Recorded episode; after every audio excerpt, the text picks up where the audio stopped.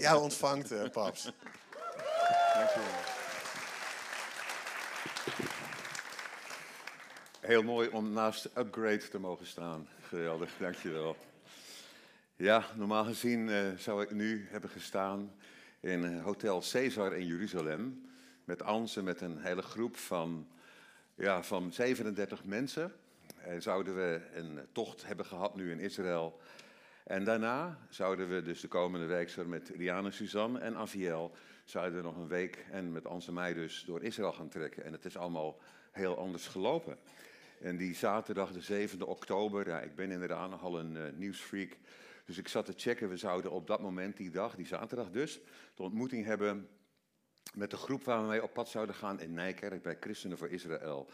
En ik zit zo het nieuws te checken en ik zie dat een rakettenregen uit Gaza neerdaalt op Israël. Nou ja, dat gebeurt helaas vaker.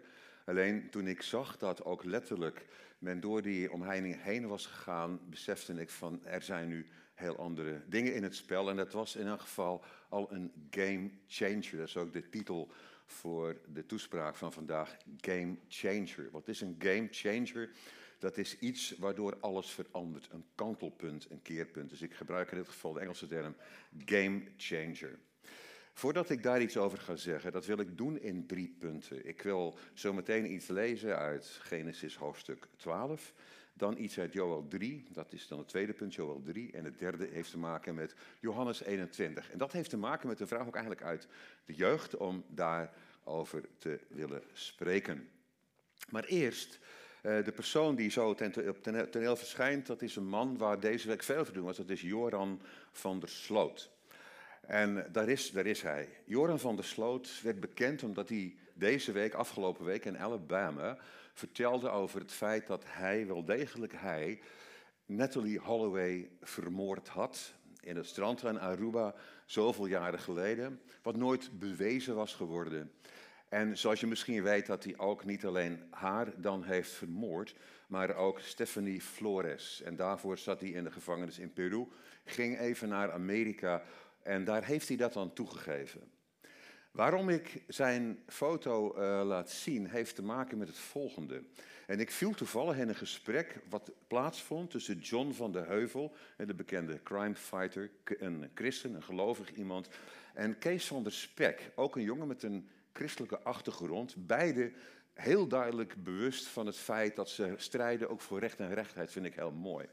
En wat er aan de hand was, was, en ik zat het toevallig te bekijken, live in de uitzending, stond daar John van de Heuvel, camera en op, ze, op hem gericht en die vertelde wat er allemaal gebeurd was. En toen Kees van der Spek, die, eh, die zei, mag ik even wat vragen? Want er is iemand die dat leidt, in dit geval Humberto Tan. En hij zegt, hij zegt, John, hij zegt, klopt het dat Joran christen is geworden? En ik zat echt zo van, hè? Dat is, even, dat is nieuw. En, en John van der Heuvel ging er heel serieus op in en hij zei, ja, hij is bezig, hij heeft gehoord van, dus priester gekomen zijn, vrouw die is getrouwd in de gevangenis, hè? is dat ook? En ja, uh, het schijnt, hij zegt, in geval naar mij stuurt hij heel veel bijbelteksten enzovoort. En, en dat was echt opmerkelijk eh, om dat gesprek tussen die twee te zien. Ik vroeg mij af waarom Kees van der Spek dat vroeg. En eigenlijk omdat Kees van der Spek zei, ik geloof niet zo heel veel van wat u nu zegt. Volgens mij komt het hem beter uit en kan die strafvermindering krijgen. John was daar wat duidelijk in. Zei, ja, ik, ik geloof het wel, we hebben dat al eerder opgenomen. Waarom van der Spek dat vroeger? Dat had ermee te maken dat hij wilde checken in hoeverre het waar zou zijn dat Joran van der Sloot veranderd zou zijn. En hij vroeg dus, is hij christen geworden? Nou, wat je ook van Joran van der Sloot, die trouwens eigenlijk heet Joran Andreas Petrus van der Sloot, dat wist ik niet. Dus heeft twee, eigenlijk drie namen, Joran en dan Andreas Petrus. Dus kennelijk ligt er een bijbelse link. Stel dat deze jonge man, die twee jonge meiden heeft vermoord, de bloei van hun leven, tot geloof gekomen zou zijn.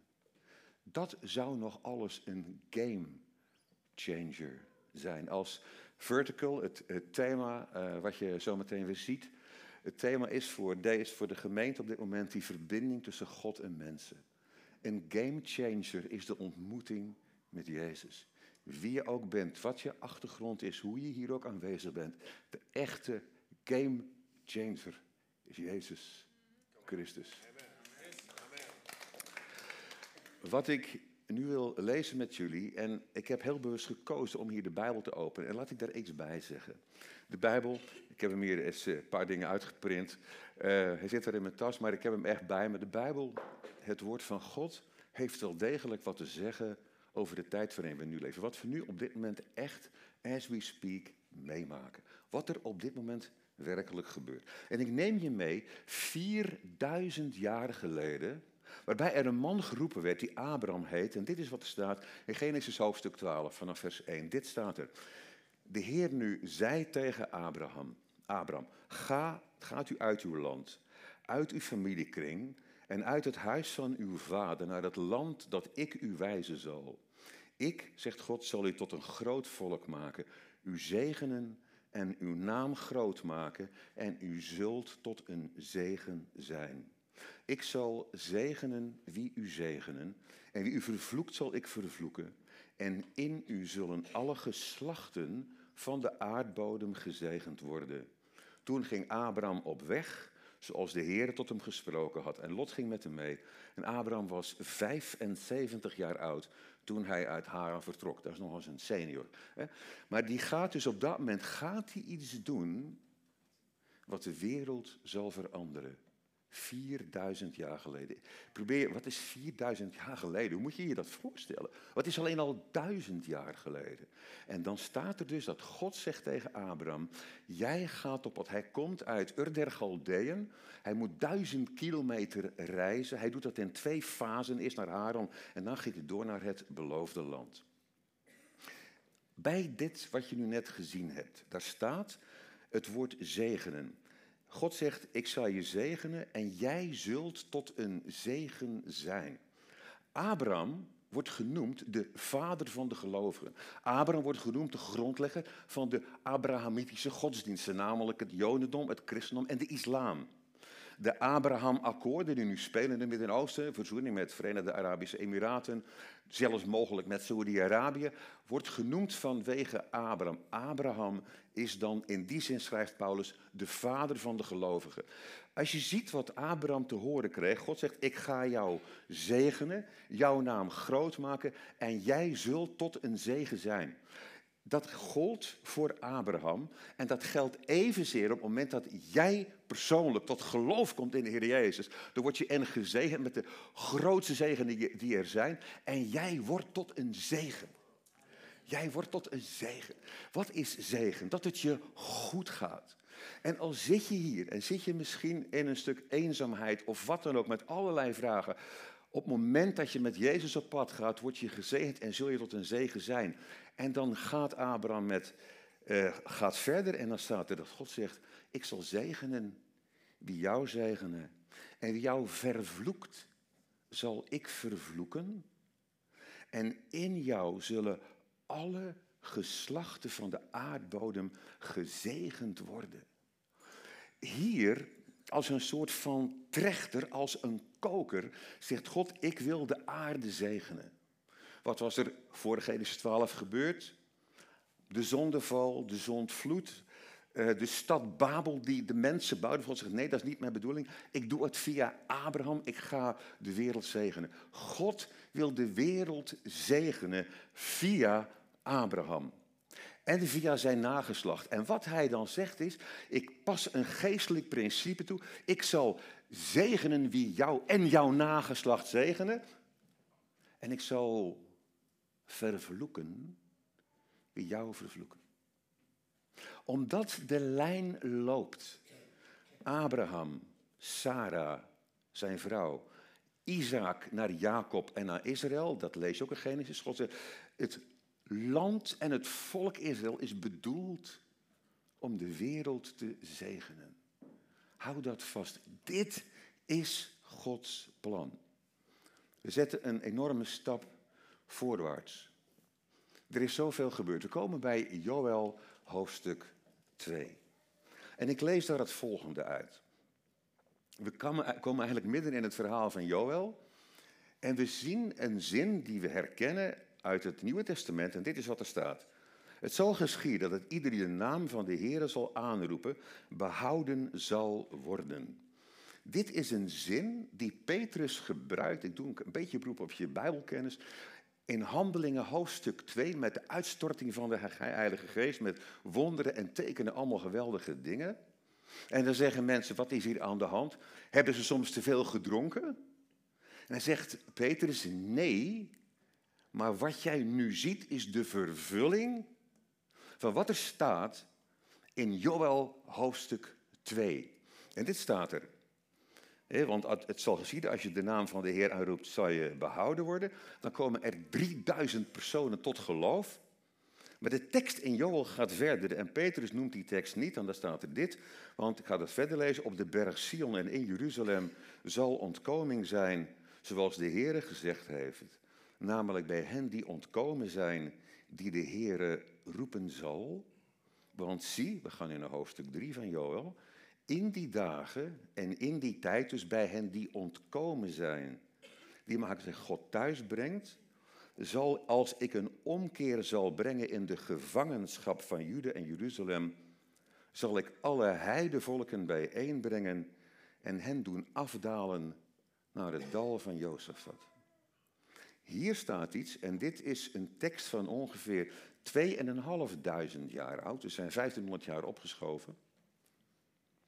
En er staat dat God zegt, ik ga iets doen met de volken, de heidenvolken, de niet-Joodse volken. En die zal ik brengen en brengen naar het dal van Jozefat. Dit is het enige gedeelte in mijn toespraak waar ik iets ga zeggen over politiek. Dus ik waarschuw je nu alvast maar. Wat is hier aan de hand? God is degene die handelt en die optreedt. En die zegt, ik ga iets met de heidevolken doen en ik breng hen naar het dal van Jozefat. Wat is precies het dal van Jozefat? Het dal van Jozefat, dat is het dal wat ligt tussen de oude stad Jeruzalem en de Olijfberg, het Kidrondal. Dat is het dal van Jozefat. En God zegt, ik ga de heidenvolken bijeenbrengen en hen naar dat dal voeren. En dan gaat God daar iets doen. Let wel, vlak daarvoor hebben we gelezen over de vervulling van Joel 2 in Handelingen hoofdstuk 2. Letterlijk vervuld. Die tekst wordt geciteerd. Ouderen zullen dromen, dromen, jongeren zullen gezichten zien. Mensen komen tot bekering. En dan zegt God, en nu zet ik eigenlijk een reusachtige stap in de tijd. En dan komt er een moment dat Israël, Jeruzalem, de plek van ontkoming zal zijn. Wij leven in... Wie, wie, wie woont eigenlijk in Hilversum van jullie? Oké, wie woont er buiten Hilversum van jullie? Oké, nou. Oké, goed om te zien. Ik ga je wat vertellen over Hilversum. In de Tweede Wereldoorlog was Hilversum de stad waar de op één na grootste stad waar Joden woonden. De grootste stad was natuurlijk Amsterdam. In Hilversum woonden meer Joden, na Amsterdam dus, dan in heel Nederland. In de omroepwereld waren verschillende Joodse mensen actief. Wat gebeurde er? De Tweede Wereldoorlog komt en de burgemeester van Hilversum, ik heb zijn naam, Ernst van Bunninghausen tot Herikhaven, was een NSB'er. En Hilversum heeft een, moet ik helaas zeggen, een ongelooflijk slechte reputatie over hoe ze omgegaan zijn met Joden. 2700 mensen zijn hier weggevoerd. 10% heeft het overleefd. Hier in het stadhuis, in de koffiekamer van het raadshuis, heeft iemand het wel eens gezien? Er is een vitrine met 335 namen. Iemand het gezien? Onbekend? Oké, 335 namen van de kinderen die tussen 40 en 45 weggevoerd zijn en vermoord in de concentratiekamp. In Hilversum. Op dit moment is Hilversum, godzijdank, meen ik letterlijk trouwens, heeft twee dingen gedaan. Zij zeggen wij aanvaarden onze verantwoordelijkheid voor de misdaden hier in de Tweede Wereldoorlog. De synagoge werd verwoest. Een dominee serieus, die man die heette dominee Zuurdeeg. Serieus, J. Zuurdeeg. Die heeft het zilver, nee, heeft de Torahrollen verborgen op zijn zolder, hier in Hilversum. Dominee Zuurdeeg, ik noem zijn naam met ere. Met gevaar van eigen leven, de Torahrollen, hier uit de synagoge van Hilversum, die verwoest werd. Hier kwam het hoofdkwartier van de Duitse Weermacht in Hilversum. De generaal die het voor het zeggen had hier, die heeft ook de capitulatie van, Nederland, van Duitsland ondertekend hier in Nederland. Er was een andere man, meneer Hartog, die heeft het zilver van de synagoge verborgen. Die is verraden in Hilversum en die heeft het verbergen van het zilver van de synagoge met zijn leven moeten bekopen. Voor degenen die hier in Hilversum zijn, ja, Hilversum heeft gezegd, wij pakken de verantwoordelijkheid. Wij gaan herstelbetalingen doen, nog maar sinds één of twee jaar zijn ze daarmee bezig, aan Joodse mensen wier huizen zijn afgepakt. Tweede ding wat ze doen is de begraafplaats die hier is met 500 graven. Daarvan heeft de gemeente Hilversum gezegd, wij zullen daarvoor de verantwoordelijkheid oppakken en het onderhouden. Dus er gebeurt iets in Hilversum als het gaat over verantwoordelijkheid nemen. Waarom ik het vertel? Ik lees verder in Joel hoofdstuk 2. God zegt, ik breng de volken bijeen en ik zal met hen een rechtszaak voeren vanwege mijn volk en mijn eigendom Israël, dat zij onder de heidenvolken verstrooid hebben. Ik pak even een slokje water.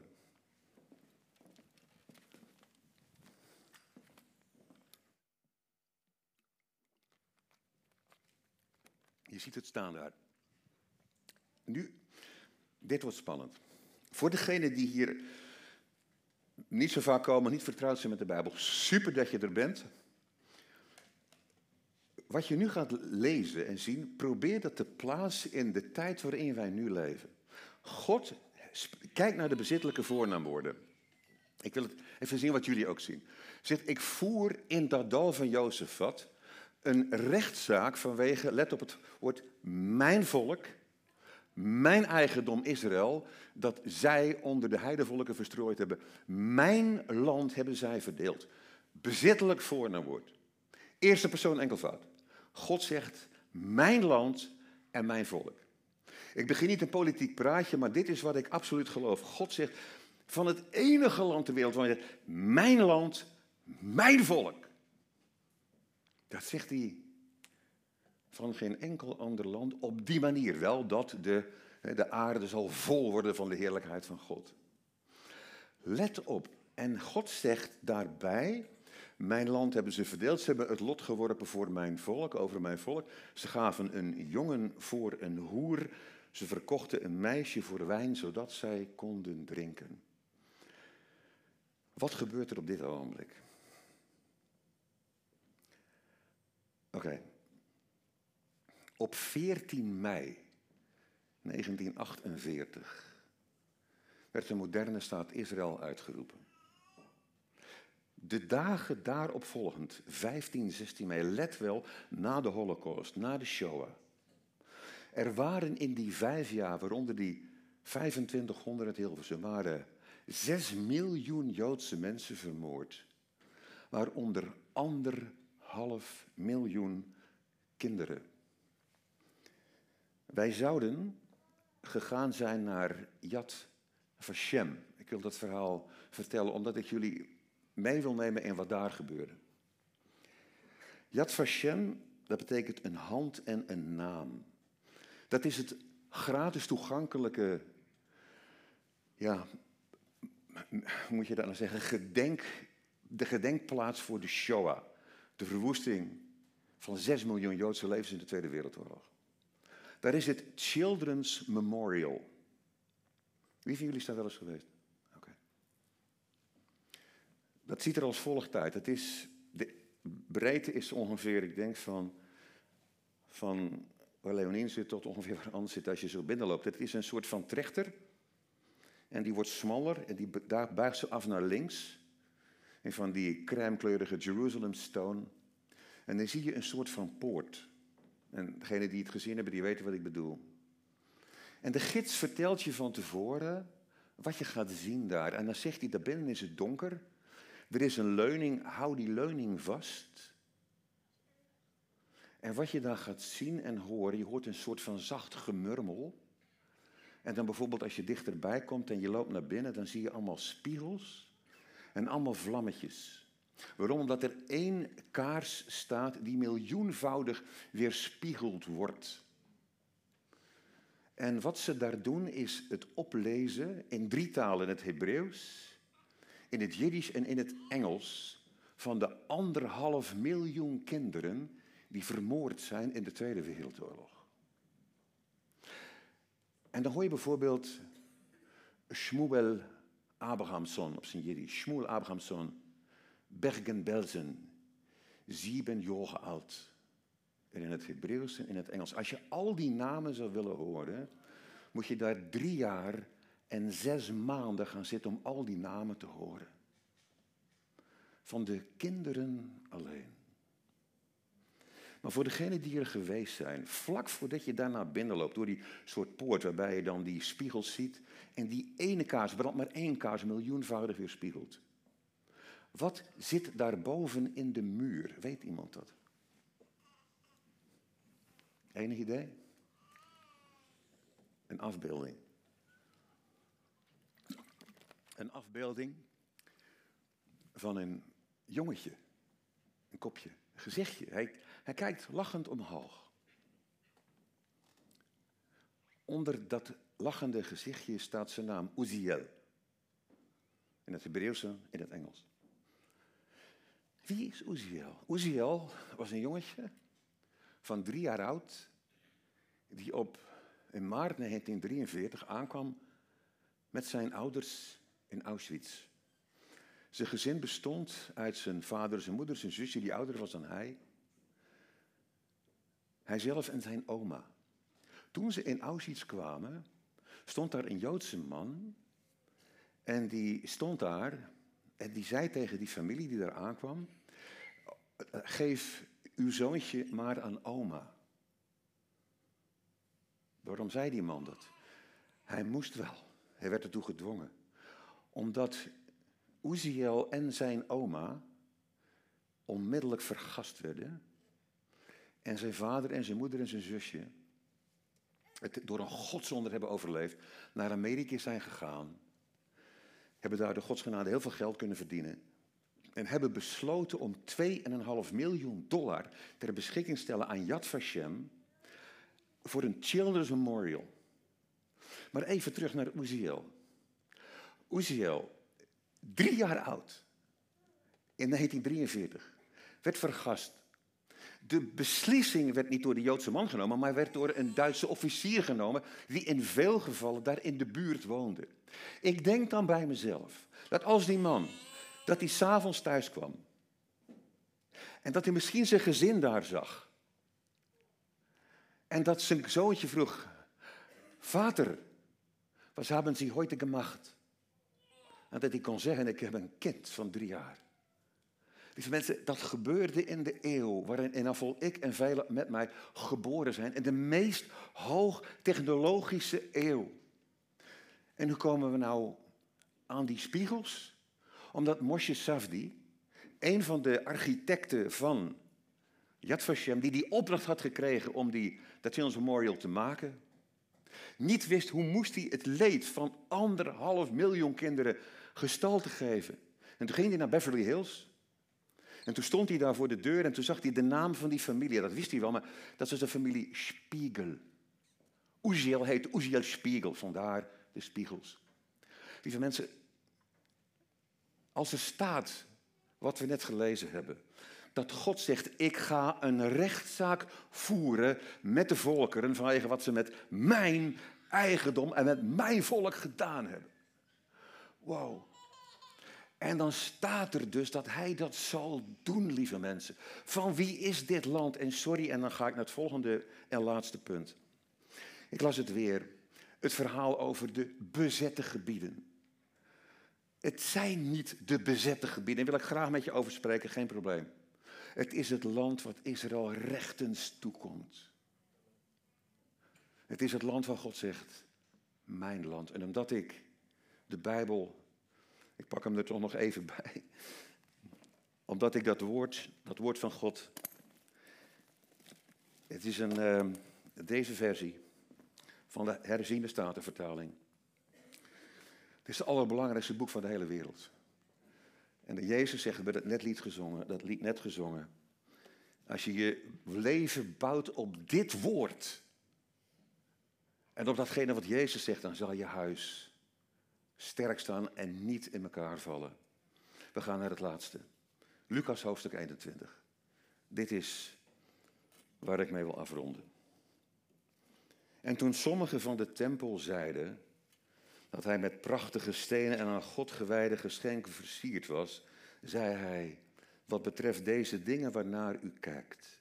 Er zullen dagen komen waarop niet één steen op de andere gelaten zal worden, die niet afgebroken zal worden. En ze vroegen een meester, wanneer zal dat zijn en wat is het teken dat deze dingen zullen gebeuren?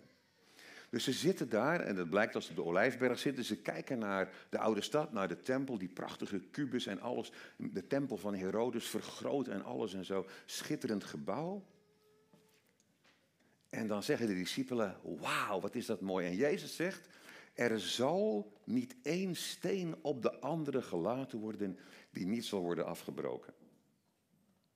En dan zeggen ze, wanneer zal dat gebeuren? We slaan een stukje over en die tekst is, spreekt over aardbevingen in Matthäus, over evangelieverkondiging over heel de wereld. En dan staat er, wanneer u zult zien dat Jeruzalem door legers omringd wordt, weet dan dat zijn verwoesting nabij is. Laten dan wie in Judea zijn vluchten naar de bergen en wie in het midden van Jeruzalem zijn daaruit wegtrekken en wie op de velden zijn er niet ingaan, want dit zijn de dagen van wraak, opdat al wat geschreven staat vervuld wordt. Wee de zwangeren en de zogenden in die dagen. Ik ga je niet in detail vermelden wat er 7 oktober gebeurd is. Maar zwangeren en zogenden waren mede de slachtoffers van Hamas. Ik spreek geen haat. En dat zul je zo meteen merken. Ik spreek, er staat het woord van vol van over de God van liefde geopenbaard in de Heer Jezus Christus. En Hij is de enige oplossing, dat zullen we zo meteen gaan zien. De zwangere en de zogenden. Er zal grote nood zijn in het land en toorn over het volk. Ze zullen vallen door de scherpte van het zwaard en in gevangenschap weggevoerd worden onder alle heidenen. Wat ik net vertelde over Hilversum. Dat heeft hiermee te maken. In 70 na Christus verwoesten de Romeinen de tempel van Jeruzalem. Sloopten hem compleet. Zouden later het naam, de naam Israël vervangen door Palestina trouwens. Jeruzalem zal door de heidenen vertrapt worden totdat de tijden van de heidenen vervuld zullen zijn. Jeruzalem wordt vertrapt. Vertrappen betekent iets kapot rapen, iets kapot maken. En er staat dat gebeurt, dat is letterlijk gebeurd, totdat de tijden van de heidenen vervuld zullen zijn. Er komt een einde, er is een goddelijk totdat, er is een goddelijk ingrijpen. Er zullen tekenen zijn in zon en maan en sterren. En op de aarde benauwdheid onder de volken, in radeloosheid vanwege het bulderen van zee en golven. En het hart van de mensen zal bezwijken van vrees en verwachting van de dingen die de wereld zullen overkomen. Want de krachten van de hemelen zullen heftig bewogen worden. Het is een periode van angst en spanning. Er staat zelfs radeloze angst onder de volken. En dan staat er, en dan zullen zij de zoon des mensen zien komen in een wolk met grote kracht en heerlijkheid. Wanneer nu deze dingen beginnen te geschieden, kijk dan omhoog en hef je hoofd op, omdat je verlossing nabij is. Ik weet vanuit uh, waar ik ooit ook mee te maken had met hulpverlening en zo. Het grootste onder van mensen mee zitten jongeren en ouderen.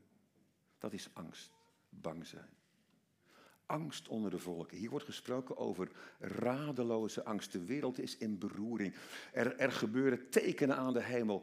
Ongelooflijk, wat een vooruitzicht. Maar dan staat er iets. Als deze dingen beginnen te geschieden. Dus als het nog maar begint, kijk dan omhoog. Hef je hoofd op, omdat je verlossing nabij is. Het woord wat er staat voor verlossing, staat maar één keer in het hele Nieuwe Testament. En het laat iets zien van een complete verlossing. Naar geest en ziel en lichaam. Naar het herstel wat alleen in Jezus te vinden is. Complete, totale verlossing. En daar staat dat dit, als je Hem mag kennen, als je Hem nog niet kent, moet je Hem vandaag nog leren kennen. Daar staat dat dat de manier is hoe je omgaat met deze tijd. Laten we dat voor de grap eens proberen, als je wilt. Je willen gaan staan?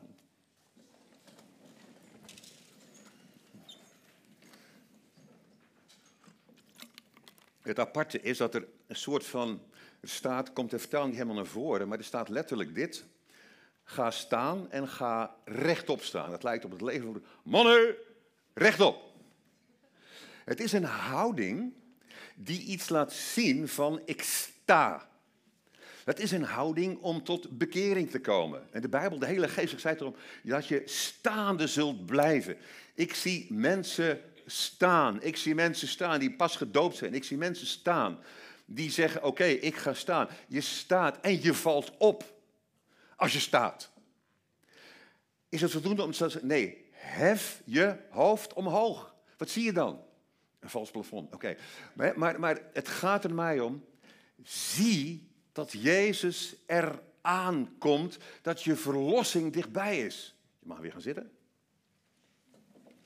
En dan zul je zeggen, maar Kees, oké, even verder. Hoe kom je erbij dat die verlossing eraan komt? Ik ga je iets laten zien. Een aantal jaren geleden werd in Iran werd een man door de Mossad uitgeschakeld. En die man die heette Mohsen Fakhrizadeh. En nadat dat was gebeurd in Iran, islamitisch land, kwam het volgende in beeld. Zie je dat staan? Thank you Mossad. In Teheran, nota bene. Dat is op een wandelbrug, waar je dus een voetgangersbrug in Teheran. Omdat in Iran, als je wil bemoedigd worden, dan heb ik nieuws voor je. Wat is de grootste vijand van Israël op dit ogenblik? Welk land? Iran. Waar gebeurt de grootste opwekking op dit moment die de islam, die binnen de islam, dat mensen christen worden, ooit gezien heeft? In Iran. Leg mij dat eens uit. Hoe kan dat? Voorbeelden. Ik zat uh, bij een omroeporganisatie vorige week, zat ik naast Maaike van Garante. Bij mij weten geen christen. Zij zegt, wij gaan als gezin regelmatig naar Iran. Leuke vakantietijd. Hè? Ze zegt, haar man is een grote kerel, blond, blauwe ogen en haar zoon ook. Ze zegt, mensen zijn in Iran, jongeren, ontzettend vriendelijk. Willen je leren kennen. Ze zegt, weet je wat ze aan ons vragen en tegen ons zeggen? Wij houden van Israël. In Iran?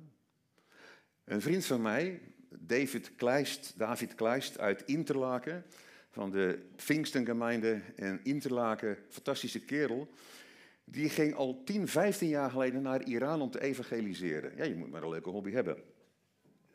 En hij vertelde het volgende.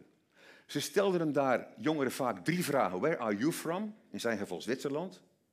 Tweede vraag die ze hem stelden was van... What do you think of our country?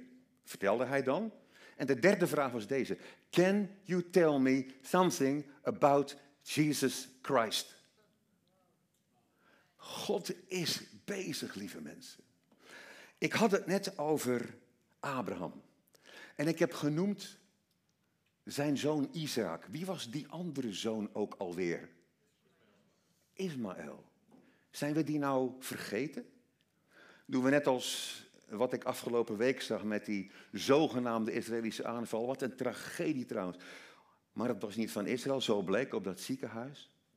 Maar dan huilt je hart als je dat ziet en beseft wat daar gebeurt.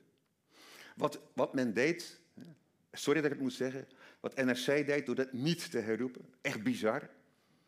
Maar wat ik wil zeggen, is de haat die er is, is ongelooflijk. En ik ben, zodat ik sinds dat ik in Israël kom, ik ben veel meer van moslims gaan houden. Ik weet dat Weile Anne van der Bijl, die zei, islam betekent dit. I sincerely love all Muslims. Vind ik een heel interessante. Wij worden geroepen om van mensen te houden. Niet om hun daden goed te praten. Maar de haat is ongelooflijk. Maar er liggen beloften voor Ismaël en zijn nakomelingen. En tot nu toe hebben we gezien dat het haat en nijd is. En ik geloof op grond mede van God die zijn belofte waarmaakt, dat er echt werkelijk in Iran iets gaat gebeuren. Het is al bezig te gebeuren. En mensen zeggen, wij houden van Israël. Pas in een hilarisch filmpje. In een stadion, een heleboel mensen bij elkaar. En is een hoop gejoel. Want er komen, zo bleek, een aantal uh, regeringsmensen langs met een vlag van, uh, ja, van Hamas. En de mensen werden woest. Stop die vlag. Nou ja, laat maar. God is bezig, lieve mensen. Waarom ik dit allemaal vertel. Het thema is game changer. God heeft de game gechanged toen hij Abraham riep.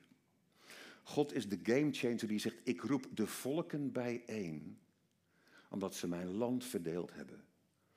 En God is de grote game changer. Omdat wat is de grootste zegen die wij van het Joodse volk gekregen hebben? Kan iemand mij dat vertellen? Zijn naam is Jezus. Zijn naam is Jezus. Er is zo'n prachtig lied. Zijn naam is wonderbaar, Jezus mijn Heer. En Hij is de gamechanger. En Hij komt terug. En dat misschien wel heel spoedig. Maak jij je zorgen? Wat gaat er allemaal gebeuren? Ik wil jullie oprecht vragen om letterlijk te doen wat Jesaja 40 zegt. Troost, troost mijn volk. Ik was afgelopen donderdag op de bidstond van de NEM. Ik vertegenwoordig de christenen voor Israël daar. Maar ik was ook gevraagd, ik moest voor iemand invallen, ik moest naar Antwerpen toe. Om te spreken over een solidariteitsbijeenkomst in Antwerpen. Op de Oudaan heb ik geparkeerd. Ik loop er naartoe en ik vraag aan een agent, eh, twee, een, mevrouw en een meneer.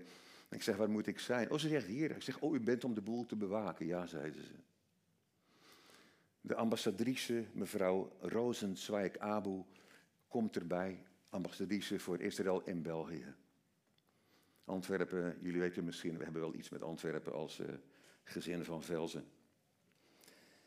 Die mevrouw die houdt een geweldige toespraak en die vraagt om gebed. Zij is niet Messias beleiden, maar ze vraagt om gebed. Na afloop gaat ze weg, want ze met security erbij en alles en zo. En ik ga naar haar toe.